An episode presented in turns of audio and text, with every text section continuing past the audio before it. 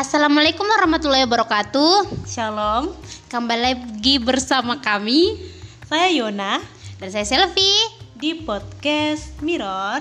Beda tapi sama. Yeay. Tepuk tangannya mana?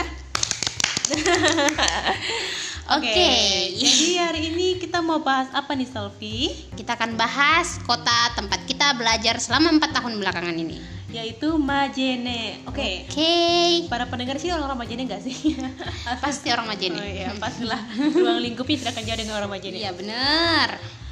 Oh, kita bahas Majene dari sejarah atau sudut pandang kita aja nih tentang Majene. Sudut pandang dong. Ya, Iya. kita kan sebenarnya orang luar. Mana Iya mungkin kita sih. bisa setahu itu tentang sejarah Majene. Nah, Terus sampai di pertama mungkin pengalaman pertama kali ya. Bagaimana pengalaman pertama Kak Yon ketika pertama kali ke Majene? tidak terlalu mengenakan. Kenapa? Pertama karena ditipu oleh supir. Oi, supir PT-PT. Eh bukan sih, supir PTP tidak ada yang salah sih. Supir yang kemajennya ini, Oh, yang Iya, naik yang mobil. panter ini, yang panter. Mm-mm. Jadi itu kan dulu eh, pertama kali itu sama bapak. Iya. Ya mau daftar ulang. Iya. Hmm, Daftar ulang itu kan lulus. Nah terus eh, karena ini sudah eh, apa sudah terlambat banget untuk daftar, daftar ulang, makanya harus cepat-cepat ke sini. Hmm. Nah, jadi kami tuh kayak terpaksa cari mo em, apa mobilnya tuh kayak rendam aja itu di Oh, Makassar. Nah, terus sampai ke sana tuh eh, ada ada mobil yang ke Majene Pak. Eh kita tanya kami tanya duluan ini ke mobil ke Majene. Nah, bilang iya ini ke Majene. Iya ke Majene naik aja Pak naik aja begitu. Iya, Nah, iya. Terus ternyata kami tidak sampai ke Majene. Sampai ke mana dong? Disampaikan eh, ke Polewali. Cuma saat antaranya ke Polewali. Kita tidak tahu apa-apa tentang Sulbar ini baru pertama kali. Jadi eh, Bapak saya kan juga orangnya bukan orang yang tipe marah-marah sih. Jadi ia Iya. terima aja dengan logo. Oh iya, tapi eh, itu supirnya eh, panggil aja PT-PT. Oh. Eh, ini naik aja Pak di sini ini eh, supirnya pergi ke Majene. Saya sudah bayar. Oh. Ya, tapi ternyata pas kita tiba ke Majene ternyata belum dibayar. Jadi dibayar lagi sama bapak saya. Astaga itu penipuan sih. Iya, dan tau, tau kalau kan kalau misalnya normalnya itu Makassar ke Majene itu 120. Iya. Ini yang pertama kali ini Makassar ke Polewali itu 170. Astaga. Penipuan besar itu astaga. Astaga, bener-bener parah sih itu. Iya, benar-benar pengalaman yang tidak terlupakan pertama kali ke Majene itu ditipu. Dan yang dia tipu penginjil ya luar biasa. Ya, Dosanya sekali. double double itu luar biasa sekali Anda wahai supir. Oke. Iya. Wah, ngeri ngeri ngeri. Terus apa lagi nih? Kalau Selvi bagaimana pertama kalinya ke Majene? Kaget. Oh iya, kaget. Ya segalanya serba kaget terus apa ya kalau Yona itu tipu kalau aku tuh kan segalanya ser- serba berantakan ya maksudnya Iya. tidak teratur Eh, aku terbiasa diuruskan segala macam. Jadi pas ke Majene itu pertama kaget mungkin karena banyak sampah pertama. iya. Oh, iya kedua sama kondisi kampus nggak tahu kampus yang mana nih belajar. Kita disuruh ke SMA 3 pertama kali belajar di SMA 3 terus dosennya tidak datang segala macam. Terus kan transportasi itu benar-benar kan biasa diantar toh diantar jemput sama eh mama papa. Terus di sini harus naik kendaraan sendiri PT-PT ataupun itu ojek. Karena kalau misalnya PT-PT kan itu terbatas. Jadi kadang-kadang harus naik ojek dan segala macam gitu. Terus aku banyak kehilangan sih. Berkas satu tahu, tahu, tumpuk tahu, itu eh, ketinggalan di fotokopian. Hanya berkas sebenarnya. iya ke- ketinggalan di fotokopian. Terus masalahnya nomor yang di situ kan nomornya mamaku. Iya. jadi itu sampai ditelepon eh ke Bontang. "Eh, halo ini berkas kita ketinggalan. Terus kata mamaku loh berkas apa? Ternyata itu ber- berkas ya. iya semua berkas yang aku bawa dari Bontang itu ada dalam situ dan itu ketinggalan di fotokopian. Terus aku terkenal lah langsung di sana bahwa oke ini baru beberapa hari di Majene sudah kehilangan segala hal sekian dan terima kasih terus bagaimana lagi? Iya, kalau saya sih juga kaget sih dengan kondisi Majene. Kayak Iya eh, sih. ke- lebih mungkin lebih kaget sama kondisi kampusnya. Oh iya itu kan waktu itu kan kita kayak belum punya kampus yang Iya. sebenarnya kan sekarang Iya, baru jadi. Lebih kepada, hah? Kita ini yang di Parang-Parang itu pertama kali. Bonceng tiga ke Parang-Parang. Itu kayak oh my god, ini yang harus saya lalui untuk ke kampus. itu kalau formula pembalap Formula One pasti itu ketawa lihat kan. Iya sih. Tentunya ya kami syukur karena kami tidak kecelakaan pada saat itu dan motornya selamat-selamat aja bonceng kami bertiga. Wah, Kalau parang-parang aku jalan kaki sih, bayangkan ya. Iya, iya, Dan iya. itu jauh banget dan sampai kita bilang kayaknya kita nggak butuh parfum deh. Kayaknya bahkan kita nggak butuh mandi deh. Karena itu Bau matahari. Iya, bau matahari dan berkeringat pas nyampe ke atas tuh dan segala macam. Aduh itu parah Apalagi sih. kita nih klub-klub orang tidak punya kendaraan ya. Iya, itu dia permasalahan yang paling peliknya. Iya, jadi ya tahu kan kondisi Parang-Parang dulu seperti Iya, apa. tidak sih. seperti sekarang ya karena kan ini dulu eh sekarang ini kan sudah di eh, aspal. Iya. PT-PT-nya sudah bagus. Yang kita tidak mah dulu. Iya baru mendaki tempat gunung benar-benar mendaki gunung. Hmm, tempat kuliahnya juga kadang itu. Kadang-kadang kita di visit kadang-kadang di TC Hmm. kadang-kadang di SMA 3 terus kadang-kadang sehari Oh, itu bisa capek, berpindah-pindah. Eh, dari serius. tempat satu ke tempat lain. Jadi banget. perjuangan empat tahun itu parah sih. Iya, terus apa lagi nih kak Yun? oke kita tadi sudah bahas tentang kesan pertama ya.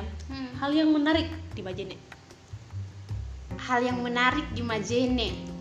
Sebenarnya karena dulu pertama kali itu lebih banyak keresahan sih. Maksudnya kayak segala ngekos kan aku Oke. juga dulu nggak bisa masak dan sebagainya. Jadi lebih banyak memandang segalanya itu berat.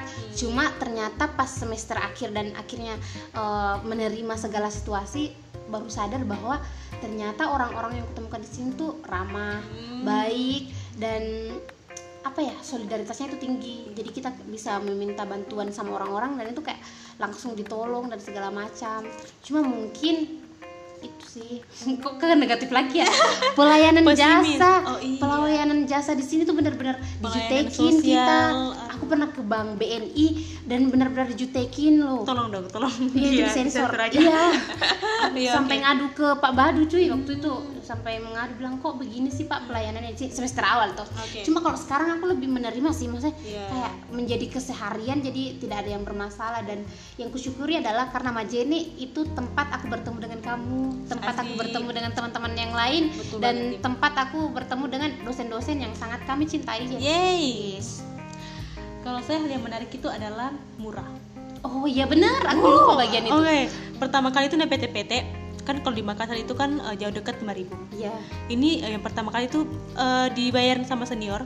iya, Tapi waktu itu saya lihat ah, cuma 5000 berdua. iya. Dia tanya, "Kak, ini PT-PT-nya berapa sih?"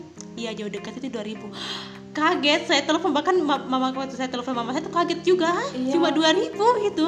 Terus hanya di Majene saya yang saya dapat itu ada nasi 5000 Iya bener Benar murah makanan banget. murah banget sih makanan Jadi sih itu em- em- memang aman sekali untuk anak-anak kos Ya, yang ngeprint memang juga, tidak cuy. Iya, hmm, astaga ngeprint tuh murah. Itu yang paling menarik di Majene. Em, yang kedua itu perpustakaan daerah sih. aduh aku terganggu sama perpustakaan daerah Iya, walaupun saya juga punya pengalaman buruk di perpustakaan daerah, tapi eh, bersyukur aja karena eh, di Malino itu tempat saya asal itu tidak ada perpustakaan daerah, sel. oh Jadi pas datang ke sini tuh ada perpustakaan daerahnya dan memang eh, bagus sih, tata tertibnya bagus.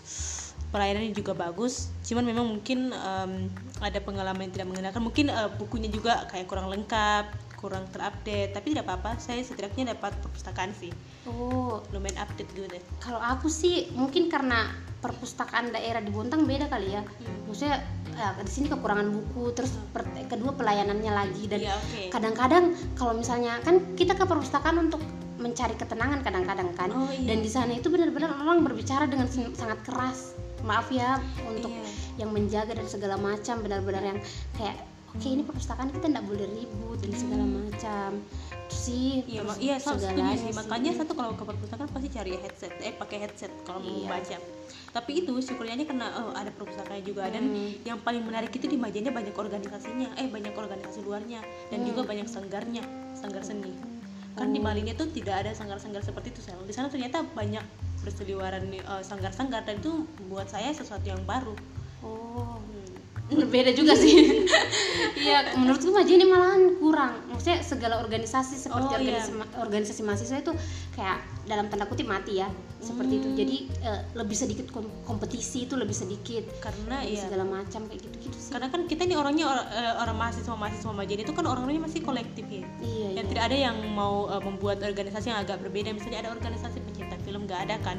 Iya semuanya itu kayak kalau suka sanggar seni ya pasti semuanya akan suka sanggar seni. Iya kayaknya cuma satu organisasi berwarna dan eh, kurang apresiasi sih menurutku Hmm. dari pemerintah. Majene Ups, Iya, sudah masuk ke ranah pemerintah. kampus mungkin juga kurang Iya. apresiasi dari kampus dan segala macam itu sih begitu. Mungkin kampus mengadakan lomba kalau di Senatalis aja kali. Iya iya. Jadi kalau lomba-lomba besar kayak cuma satu tahun sekali. Bayangkan saya tuh kita tidak mati dalam dalam bulan-bulan lainnya Astaga itu begitu sih so Tidak ada support Hmm, sih. tidak ada support sih dan apa yang lagi? apalagi yang paling suka Hayal Majene itu adalah pantai ya karena di Malini itu tidak ada pantai cuma ada Sama. gunung Ini jadi suka kesamaan. banget dengan pantai Hmm. jadi eh, enak aja karena di sini tuh pantai kayak mudah sekali diakses gitu jadi suka aja Padahal aku sangat pengen ke Malino sih. Pantai di sini bagus-bagus sih. Maksudnya semuanya itu eh, pesisir ada pasir kan. Kalau bedanya di Bontang itu tidak ada. Jadi itu tanah lembek. Oh. Jadi biasanya eh, ada perumahan di atas laut. Jadi semacam jalan-jalan jembatan-jembatan begitu. Ya comel kayak gitu. Terus iya jadi kayak untuk menemukan pantai itu susah. Biasanya ada pulau dibilang beras basah itu kita ke sana untuk pantai bayangkan. Jadi harus effort luar biasa di sini kayak cuma keluar, wih kita ketemu pantai seperti itu sih. Hmm, oke Terus apalagi nih Kayun? Eh, tipe kalau orang orang Majene itu bagaimana sih kalau yang saya lihat orang Majene itu yang saya lihat ya yang pengalaman saya pribadi orang yang paling malas jalan Iya bener serius serius. Terus jalanannya juga tidak ramah untuk pejalan kaki. serius Jadi kita akan ya. keserempet cuy. Trotoarnya Keserempet. kecil sekali, baru kayak ditanami pohon. Jadi kita harus tidak punya tempat jalan, tidak ramah. calling juga Iya. kadang Oh my god, bener kayak shit shit. shit. jadi eh, tidak terlalu eh, bagus sih untuk pejalan kaki Iya. Sorry ya tapi ini memang sudut pandang kita yang bagi pejalan kaki mungkin kalau misalnya ada orang yang eh tidak apa-apa kok kami tidak pernah mendapatkan itu karena kalian nggak pernah mendapatkan kami jalan kaki sejauh berapa meter Iya. kilometer Astaga, aku pernah nyari kos dari kota sampai Lembang loh. iya serius Bener. kaget waktu dengar cerita kami itu Parah parah parah. Terus apa lagi nih Kayun? Eh, Oke, jadi tadi kita sudah bahas tentang eh, dinamika yang kita hidup di Majene. Iya sih. Sekarang kita bahas tentang harapan kamu tentang eh, Majene di masa depan. Harapan ya, sebenarnya aku sangat berharap eh, agar pemerintahnya itu lebih perhatian lagi. Eh ini kritik ya untuk pemerintah. Jadi aku pernah ke kantor DPR survei untuk kita SDC dan tidak ada orang. Kayak beberapa biji aja di jam kerja. Jadi bagaimana caranya ini kota mau maju kalau misalnya itu. Jadi maksudnya untuk pejabat-pejabat dan eh, pegawai-pegawai itu di Majene kan masih jam kerjanya itu tidak tidak teratur. Mereka tidak diikat sama sistem yang mengharuskan mereka ada di jam kerja. Jadi kita kesan mencari orang di jam kerja. Itu pertama. Terus aturan eh, kota tata kota Oh, kayak iya. pembangunannya itu benar-benar eh, asal ba- membangun dalam tanda kutip mereka tidak memikirkan nanti banjir ini saluran airnya ke mana dan pada akhirnya kan eh, hujan sedikit Majene banjir terus sampah paling parah itu sampah empat tahun di Majene tidak ada perubahan sama sekali eh, untuk memajukan bagaimana caranya supaya sampah itu tidak mengganggu dan ada di mana-mana kalau misalnya Kak Yon gimana? Eh, harapannya kurang lebih sama sih, tapi saya lebih ke fokus pendidikannya. Hmm. Karena kan kita tahu bahwa Majene itu kan kota pendidikan Iya, ya. benar-benar.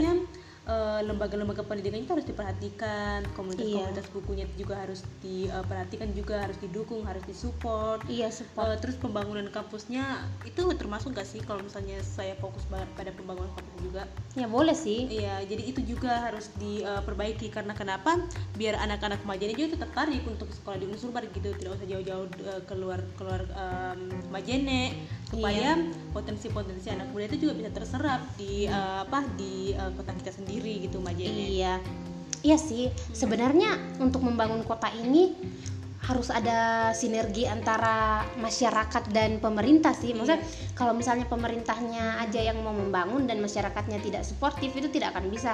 Jadi kayak begitu pula sebaliknya harus ada kerjasama. Dan positifnya adalah mereka punya mahasiswa. Mahasiswa itu biasanya eh, mau diajak bergerak. Mereka sebenarnya punya punya alat untuk sosialisasi kepada masyarakat menyadarkan segala macam toh. Itu mungkin ah, membutuhkan waktu lumayan lama karena orang Iya. tidak akan bisa berubah mindset dalam waktu Iya. sebentar. Cuma harus ada apa ya fasilitas lah Iya, dari pemerintah setidaknya. setidaknya karena mereka itu punya alat karena mereka punya mahasiswa ke depannya yang bisa eh, mereka jadikan ya seperti tadi Iya. eh, penyampai lidah masyarakat eh, kan seperti tugas kita toh. Maksudnya kita adalah perantara antara masyarakat dan otoritas. Jadi tuh mungkin bisa disupport sih. Oke. Terus apalagi nih kayon Eh, apa lagi ini hari ini agak serius loh. Kenapa? Ah, saja maksudnya heran. Sepertinya Mbak Jenny itu jadi bahan bercanda-bercandaan gitu. Kita jadi lucu-lucuan gitu iya ternyata iya serius juga ya kita bahasnya. Iya, berarti ini bentuk rasa cinta sih sebenarnya Iya. karena kita pengen kota ini maju karena ini sudah menjadi bagian dari kita toh, maksudnya bagian dari perjalanan dan akan selalu ada dalam memori kita. Oke kalau begitu em, Selfie pengalaman yang paling tidak terlupakan waktu hidup di Majene Banyak. Astaga, Buat banyak sekali sih maksudnya Yuna tahu aku banyak Iya, sekali iya. hal-hal konyol yang terjadi dalam hidupku per sekian detik berapa kali. Cuma mungkin lomba puisi yang aku lupa yang aku lupa lupa apalah itu. Terus banyak juga yang kayak kelas-kelas dulu sama senior sok-sok aja senior berdebat padahal pengetahuannya lebih banyak daripada kita.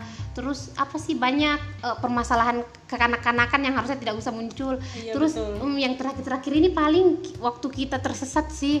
Masa kayak tidak ada jalan keluar. Oh my God, itu memalukan banget iya itu. kayak cerita sampai bisa cerita iya jadi, Jadi sebenarnya suatu malam. Hmm, suatu malam. Jadi kamu yang cerita atau aku yang cerita nih? Eh, kamu aja duluan. Jadi oh, kayaknya aku punya permasalahan dengan malam ujian deh. Jadi Skripsi, iya guys, malam iya. ujian, besoknya skripsi. Iya pas malam ujian skripsi itu kan pusing tuh. Terus aku bukan tipikal orang yang bisa kalau pusing duduk ngerjakan tidak. Jadi aku Iya. kayak pengen keluar. Jadi kita keluarlah sama Yona berdua. Terus lewat Barane masuk ke dari pantai semua belokan dia belok ke Barani guys. Iya dan belok kanan. Dan kita lurus pasti akan ada jalan. Itu prinsip satu-satunya Iya. pasti akan ada jalan keluar. Sampai akhirnya kok ini nggak selesai-selesai? Iya. tidak ada rumah. Terus tiba-tiba masuk ke dalam perumahan terus diteriaki sama penduduk kampung. Di eh situ itu jalan buntu. Eh jalan buntu jalan buntu. Eh, putar balik terus putar balik putar balik. Putar balik itu dengan keadaan malu. Hmm. mau ke mana mau ke rumah dosen? Iya Yona bisa-bisanya dong bikin skenario. Iya, kan nggak mungkin kita cuma mau jalan-jalan. Kan lebih lebih aneh juga kalau misalnya kita lihat apaan sih ini dua bocah? So gede banget pergi jalan-jalan malam lagi. Iya. Iya jadi kan jelas malah ke rumah dosen pak. Iya mana ke trigger lagi. Di mana rumah dosennya? Eh, di sekitar sini pak. Iya kamu mau apa ke rumah dosen sebenarnya bukan da- eh, bukan dari rumah dosen sih pak kita baru mau cari ke ru- rumah dosen gitu kayak Iya. kurang fokus juga bohongnya Iya, untung untung untung tiba-tiba Tidak di- sadar ya. sanggah bilang oh iya iya untung kita dikasih jalan keluar. Itu punya jalan keluarnya kayak Astaga, jalan keluar tuh bener-bener hutan yang tinggi terus kayak jalannya tuh tidak rata. Jadi eh, kekuatan kaki dan tanganku tuh bener-bener diuji. Terus kita nggak bisa menem jauh banget dari jauh jauh. nyampe Kami jalan pikir raya. tuh waktu kami mendap- mendapatkan mendapatkan jalan aspal karena yang awalnya kami lewati hutan agak hut- hutan ya. Hutan cuy. kayak oh ya sudah lewat tapi pas juga jalan aspal itu yang kami telusuri justru semakin sepi. Iya. jadi kayak panik juga nih, kapan nih ternyata kita dari eh, Barani itu langsung tembus ke Lembang Iya, jauh itu sekali. kayak kita langsung tiba-tiba disadarkan oleh orang Majene eh untuk kota Majene bahwa Kita jangan belum tahu. Iya, kita belum tahu kota jangan ini. terlalu percaya diri Iya, bener-bener jauh cuy. Dan waktu itu kita diam-diaman toh, maksudnya kami sama-sama tahu kalau kami sama-sama khawatir, Takut, cuma iya. itu akan semakin parah kalau misalnya kita berbagi ketakutan. cuman kita ya iya surfing di mana cuma itu aja surfing di mana kok begini Begitu cuman itu. Parah sih Iya. itu kayak pengalaman ah itu sih. Saya sih mau sih menelusuri jalan itu kembali kalau siang. Iya sih kalau siang mah nggak apa-apa. Hmm. tapi malam cuy. Ya, masalahnya itu waktu malam itu kita tidak bawa HP Iya. cuma ada motor dan diri kita sendiri. Iya kan kebiasaan nggak bawa hp jadi kayak Eh, terus yang eh, kalau saya sih pengalaman menariknya tuh waktu kita pulang jam 12 malam dari oh dari berdua lagi As- Asmal, astaga kita Asmal lagi ke, apa ke kos saya Iya. jadi Asmal ke pasar gitu. ceritain apa yang di asma waktu itu kita Iya, ngapain itu kan ada apa festival literasi ya. Dan Iya. kita tuh kayak punya tugas waktu itu ditugaskan untuk membaca puisi dan baca cerpen, cerpen, Cerpen, kan, tapi iya. ujung-ujungnya tidak jadi. iya Ya kita tuh sebenarnya bisa pulang di awal-awal, cuman karena kita takut dipanggil nama tapi ternyata tidak jadi juga, makanya kita tunggu sampai jam 12 malam. Iya. Eh ujung-ujungnya literasinya ditutup gitu, Iya. ditutup. Jadi dengan terpaksa kami pulang jalan kaki hmm, jam benar 12 malam Jam dengan 12 keadaan malam. sepi. di kota Majene dan perlu kamu tahu bahwa kota Majene kalau malam itu kayak kota mati cuy Iya. iya Iya, jadi benar-benar belum terlalu ke, kota banget ya. Iya. Kota itu. iya sih dan itu pengalaman kenapa ya kita terjebak pada sesuatu Iya. yang seperti itu Iya sih banyak sih kalau hmm, aku tidak bisa cerita lagi saking banyaknya sih Eh, dan yang paling menarik juga di Majene itu kafe sih. Jadi di sini tuh kafe banyak sekali Iya, terhampar kenapa? terhampar luas di Majene. Itu seru banget. Karena Iya. kita tapi saya bukan kita bukan bukan anak anak-anak kafe sih sebenarnya, cuman menarik aja. Iya kayaknya sekarang kita nggak punya waktu dan bagaimana ya kalau dulu kayaknya lebih sering deh Iya. apalagi kita sering belajar di kafe toh dulu cuma kalau sekarang itu lebih Kayak aduh. Tapi kan memang begitu tuh sama Jenny itu kota tren artinya mereka bisa mengikuti satu tren secara bersama-sama Hmm, masal kalau- kayak kota Buba Iya, kemarin iya. sempat tuh Tiba-tiba semua muncul Boba semua. pengusaha-pengusaha boba. ya sekarang kafe Iya. semua buka Iya, kayak jadi gitu itu. Ya, jadi kayaknya anak mudanya Majene itu lebih hidup pada malam hari sih. iya sih iya Daripada siang hari. daripada siang hari siang hari kayak kayak kelelawar. Iya. Mungkin karena faktor ndak kuliah juga kali ya. Iya. Majene sekarang sepi cuy karena mahasiswanya sedikit aja. Ya karena corona ya jadi Iya. ada belum ada perantau yang datang ke sini iya cuma kita aja nih yang sangat betah di Majene. Iya, karena kita kan orang-orang yang sedang mengerjakan skripsi. Iya sih. Kenapa kita jadi serius sekali Selvi? iya ndak tahu. Mungkin karena emosional kali ya Iya, emosional ini jam Iya. 12 eh bukan sih jam hampir jam 12 malam. ya kita selalu ngerekam podcast jam-jam segini ya belakangan ini Hmm. Dan kali kita temanya tentang overthinking. iya Karena biasanya tengah malam itu iya overthinking sih Aduh. Jadi kita apa lagi nih? Sudah tidak ada? sudah tidak ada sih Oke, kita tutup saja pertemuan kita pada hari ini. Sorry Ya, guys, bye. ada perkataan yang tidak mengenakan, Iya sih. terutama untuk orang-orang Majene, sorry sorry. Tapi eh, kami juga sangat mencintai Majene ya kan? Iya sih, tidak dipungkiri bang. Maksudnya Majene kota yang paling aku hafal mungkin Majene. Iya, betul. Maksudnya aku merasa aku lebih merasa menjadi anak Majene dibandingkan anak Betul, Tapangung sama-sama, atau anak sama-sama. Bontang. Saya Serius. lebih kenal Majene daripada Malino Iya, aku sangat mengenal. Iya benar, aku kenal Majene. Jadi aku bisa menjadi guide orang kalau ke Majene dibandingkan guide orang kalau misalnya dia ke Bontang ataupun ke Tapangung. Iya, sama-sama sama. I love you Majene. Iya. Jadi sampai jumpa di podcast selanjutnya. Bye.